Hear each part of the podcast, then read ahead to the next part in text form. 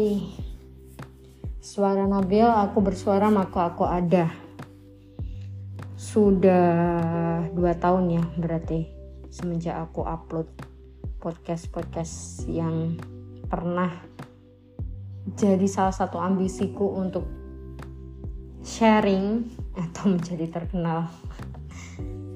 Tapi nyatanya cukup sulit untuk melakukan hal tersebut ya. Jadi aku apresiasi lah bagi orang-orang yang tetap aktif ngepodcast dan bikin-bikin karya, sharing-sharing informasi dan pengalaman mereka dengan konsisten.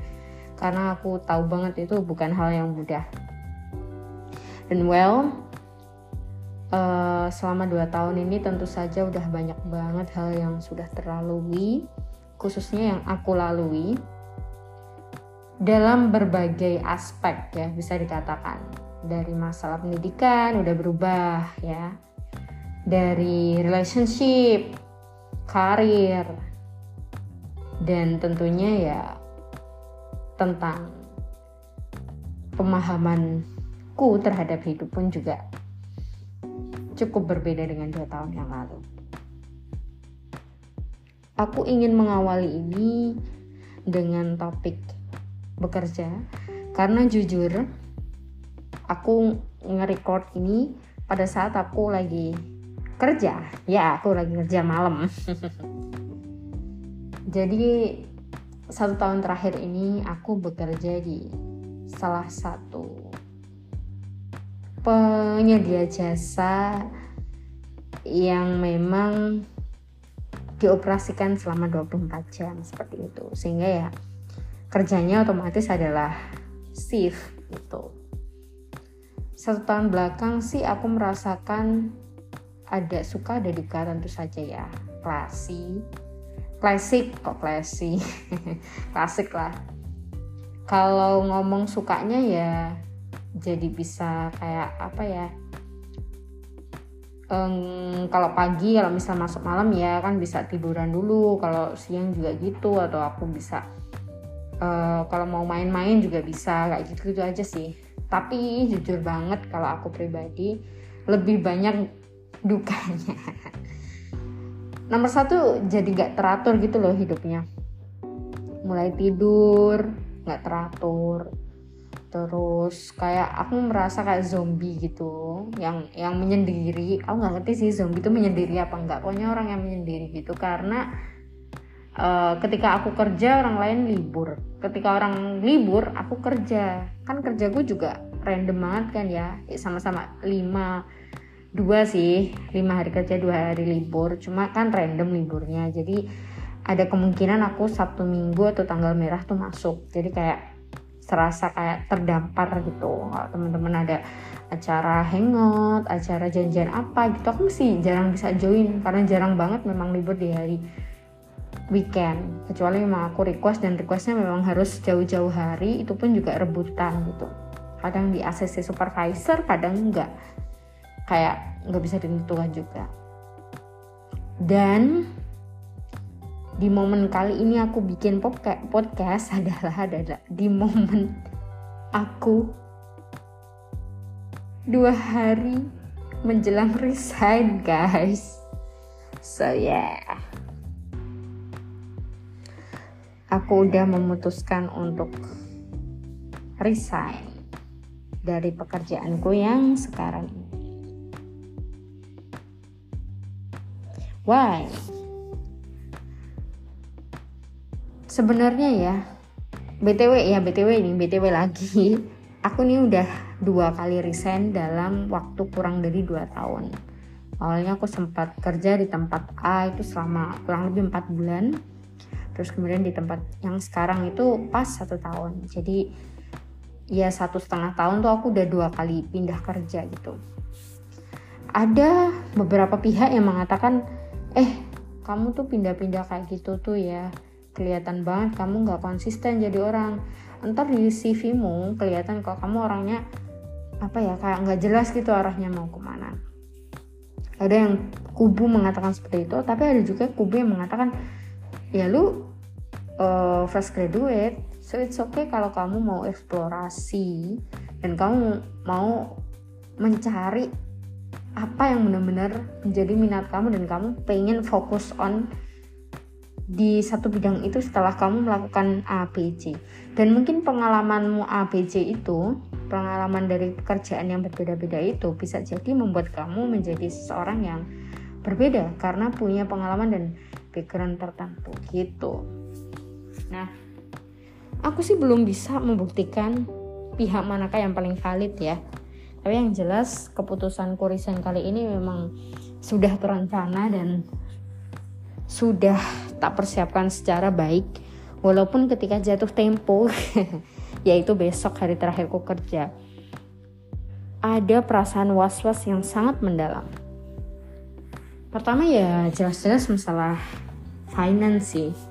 Kayak eh, gimana aku menghidupi aku dua bulan mendatang tiga bulan mendatang gitu gitu walaupun udah ada dana darurat tapi aku tetap ngerasa was was gitu. Aku nggak merasa bahwa uang yang aku kumpulkan dalam satu setengah tahun bekerja terakhir itu cukup sudah cukup gitu loh buat jadi tabungan dan simpenan dan bahkan operasional ketika aku nggak kerja. Aku nggak nggak ngerti ya seharusnya kalau kita itu mau resign harusnya harus apa ya paling nggak udah nyantol di satu pekerjaan yang baru gitu. Atau ya udah santai aja jalani aja tapi itu aku nggak ngerti juga. Karena dua kali resign ini aku dalam keadaan yang sama-sama belum dapat kerjaan yang baru gitu. Kemarin yang dari pekerjaan pertama ke pekerjaan sekarang itu aku nganggur sekitar dua bulan. Ya kurang eh dua bulan lah pas oh, dua bulan pas. Kemudian aku nggak ngerti yang kali ini aku akan selama apa. Kemarin sempat ada panggilan wawancara dan lulus seleksi administrasi tapi ya belum rezeki aja. Karena nyata-nyatanya tuh ya end up aku nggak dipanggil lagi dan yang interview ini beda sih. Yang case satunya udah nggak terbang eh yang case satu karena aku nggak bisa datang yang case dua itu juga awalnya tuh dia bilangnya nggak apa-apa kalau ada schedule tapi waktu aku follow up mereka nggak ngasih jawaban lagi. So yeah. Di umur-umur yang riskan kayak gini sih aku paham sekali ya keresahan-keresahan teman-teman sebaya ya mungkin kita berasal dari latar belakang yang berbeda-beda ya dengan keluarga yang seperti X, seperti Y, seperti Z. Ya nggak akan sama sih memang ya. Jadi um, aku kalau melihat teman-temanku kanan kiri pun juga nggak bisa dipukul rata. Cuma secara mental itu tuh aku mikir-mikir ya akan kurang lebih sama aja sih kalau in case gini contohnya udah daripada gue mulak contohnya gini nih. Kalau anak orang kaya ya ya stigmanya kan ya dia udah anak orang kaya kan udah punya segalanya udah dapat fasilitas dari orang tua gitu. Tapi ada beberapa temanku yang dia anak orang kaya yang tajir melintir justru dia motivasinya tinggi banget buat ngeraih apa ya karir yang oke okay, pendapatan yang oke okay. karena ada satu tuntutan dalam diri internal mereka untuk apa ya meneruskan kejayaan dari keluarga mereka atau membuat bangga keluarga mereka atau juga membayar bukan membayar dalam arti yang gimana gitu ya tapi kayak uh, apa sih ya kayak pengen mempersembahkan lah pada orang tuanya ini loh kalau aku bisa ya kayak gitu gitu aja sih. Tapi juga teman-temanku di lain sisi yaitu misalkan anak-anak yang berasal dari ah, anak-anak kita bukan anak-anak lagi anjir. Misalkan teman-temanku yang berasal dari keluarga yang menengah ke bawah gitu. Ya mereka tentu saja motivasinya tinggi sekali karena emang harus menghidupi dirinya mungkin juga menghidupi orang tuanya atau mungkin juga saudaranya dan banyak sekali kasus-kasus yang memang aku pada akhir kesimpulan tuh mikir ya kita semua tuh sedang di fase yang sama.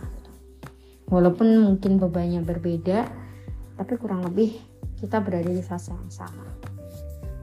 Untuk masalah karir mungkin kita masih galau-galau mana yang lebih tepat untuk kita kita mau settle di mana ya gitu-gitu aja. Pokoknya ya kurang lebih. Karena di mana pun aku ngobrol sama temanku ya baik yang bidang yang sama maupun bidang yang sangat berbeda ya kurang lebih ya kayak gini. Burnout kerja merasa belum menemukan jati diri kerja dan ada juga yang ya kalau bahasa sekarang sih ngerasa tempat kerjanya toksik ya kayak gitu-gitu sih. Kalau aku sih enggak enggak yang toksik gitu oh oh ya gini deh. Masuk segmen keputusanku ini apa? Jadi bisa dibilang kerjaanku yang sekarang tuh cukup menjanjikan ya dengan beban kerja yang sekian dengan keprofesional ya keprofesionalitas yang menurutku sih cukup baik. Di sini kita benar-benar kerja tuh on time gak molor-moloran. Kalau sekali kita lembur tuh benar-benar kita dapat upah tambahan dan atau bisa ganti jam gitu. Misal kita lembur satu jam bisa kita ambil satu jam buat pulang lebih awal gitu gitu pokoknya di sini kita nggak akan rugi lah menurutku ya. Karyawan menurutku cukup sejahtera juga di sini. Tapi ada sih ada satu perkara yang kurang sejahtera tapi ya udahlah itu nggak usah disebut ya. Tapi overall di sini cukup oke. Okay. terus yang kedua masalah senioritas ya. Aku merasakan satu tahun terakhir kerja sih awal-awal memang ada kayak gitu wajar. Tapi yang enggak yang yang parah banget gitu enggak. Aku membandingkan ini dengan curhatan teman-temanku yang kebetulan kerja di bidang yang sama dengan aku tapi di tempat yang berbeda tuh aku dengar mereka benar-benar sampai yang nangis-nangis sampai eh gitu ya. Dan puji syukur aku belum sampai di fase seperti itu selama satu tahun terakhir. Dan aku pada kesimpulan bahwa di sini senioritas juga nggak yang terlalu parah. Gitu. Terus juga uh, di sini tuh aku ngerasa nyaman juga sih. Nyamannya gini kayak sesimpel aku mau berangkat kerja sampai nanti balik mau kerja itu jalanannya tuh nggak yang macet yang nggak berlika-liku pokoknya yang mudah untuk dijangkau. Terus masalah makan di sini juga dikasih fasilitas untuk itu. Jadi nggak perlu mikir-mikir harus go food lah apalah. Ada sebut uh, sebut merek ya. Pokoknya pesan online lah. Kalau lapar enggak di sini udah dapat snack plus makan nasi. Nasi kotak gitu. Ya itu sih semua benefit-benefit yang aku dapatkan. Dan HR-nya juga oke okay, ya. Hmm. Cukup ini sih. Cukup. Hmm, masih bisa di diajak komunikasi dengan baik gitu. Dan pada saat rekrutmen juga ya aku punya experience yang cukup baik juga di sini karena dulu tuh aku banyak sekali berkas-berkas yang kurang tapi mereka sangat memaklumi itu. Dan aku juga pada saat itu rewel banget karena aku banyak tanya karena kebetulan job deskku itu cukup baru juga. Tapi mereka benar-benar ini sih mau menjawab dengan baik dan dengan jelas. Yaitu karena faktor memang dibutuhkan banget cepet-cepet gitu atau yang gimana nggak ngerti. Dan info tambahan lagi ya di tempatku bekerja sekarang tuh jarang buka locker yang mana hampir 50% ke atas bisa jadi malah 60 sampai 65% 65% karyawan di sini itu adalah karyawan tetap yang sudah bekerja uh, berapa tahun ya? Di atas 7 tahun lah pokoknya ya. Jadi di sini tuh angka angka apa sih? Angka resign angka pengunduran diri nggak tahu istilahnya apa ya. Pokoknya kayak gitu tuh cukup rendah. Karena di sini kebanyakan tuh orang udah kerja dari lama gitu. Sehingga cukup reputasi di sini cukup bagus lah intinya kayak gitu. Baik di mata para pengguna jasa maupun pekerjanya itu sendiri. Tapi kemudian timbul pertanyaan kan kalian lah kok kayak gitu? Kok kalau kayak gitu kenapa aku keluar gitu? Kenapa aku resign? Aku pada saat ini sih lebih mikir aku belum nyaman dengan pekerjaan ini. Aku merasa aku pengen mencoba untuk masuk bidang lain dan ingin lebih ekspresif terhadap siapa aku. Dan juga pengen yang ketiga pengen cari kerja yang setidak-tidaknya tuh visi misinya masih sama gitu kayak aku. Oke ini terdengar idealis yang kayaknya kalian yang dengar kayak mikir ya lu songong banget. Emang lu punya kemampuan apa sampai kayak gitu? Aku nggak merasa punya kemampuan tertentu sih guys. Cuma mikir aja kak. Ya aku pengen nyoba gitu loh. Sekali seumur hidup tuh aku pengen challenge aku untuk bidang A, bidang B, bidang C yang berbeda-beda tapi tetap kualifikasinya sesuai dengan latar belakang pendidikanku. Atau yang mungkin dibutuhkannya yang all major semua jurusan gitu ya aku pengen nyoba.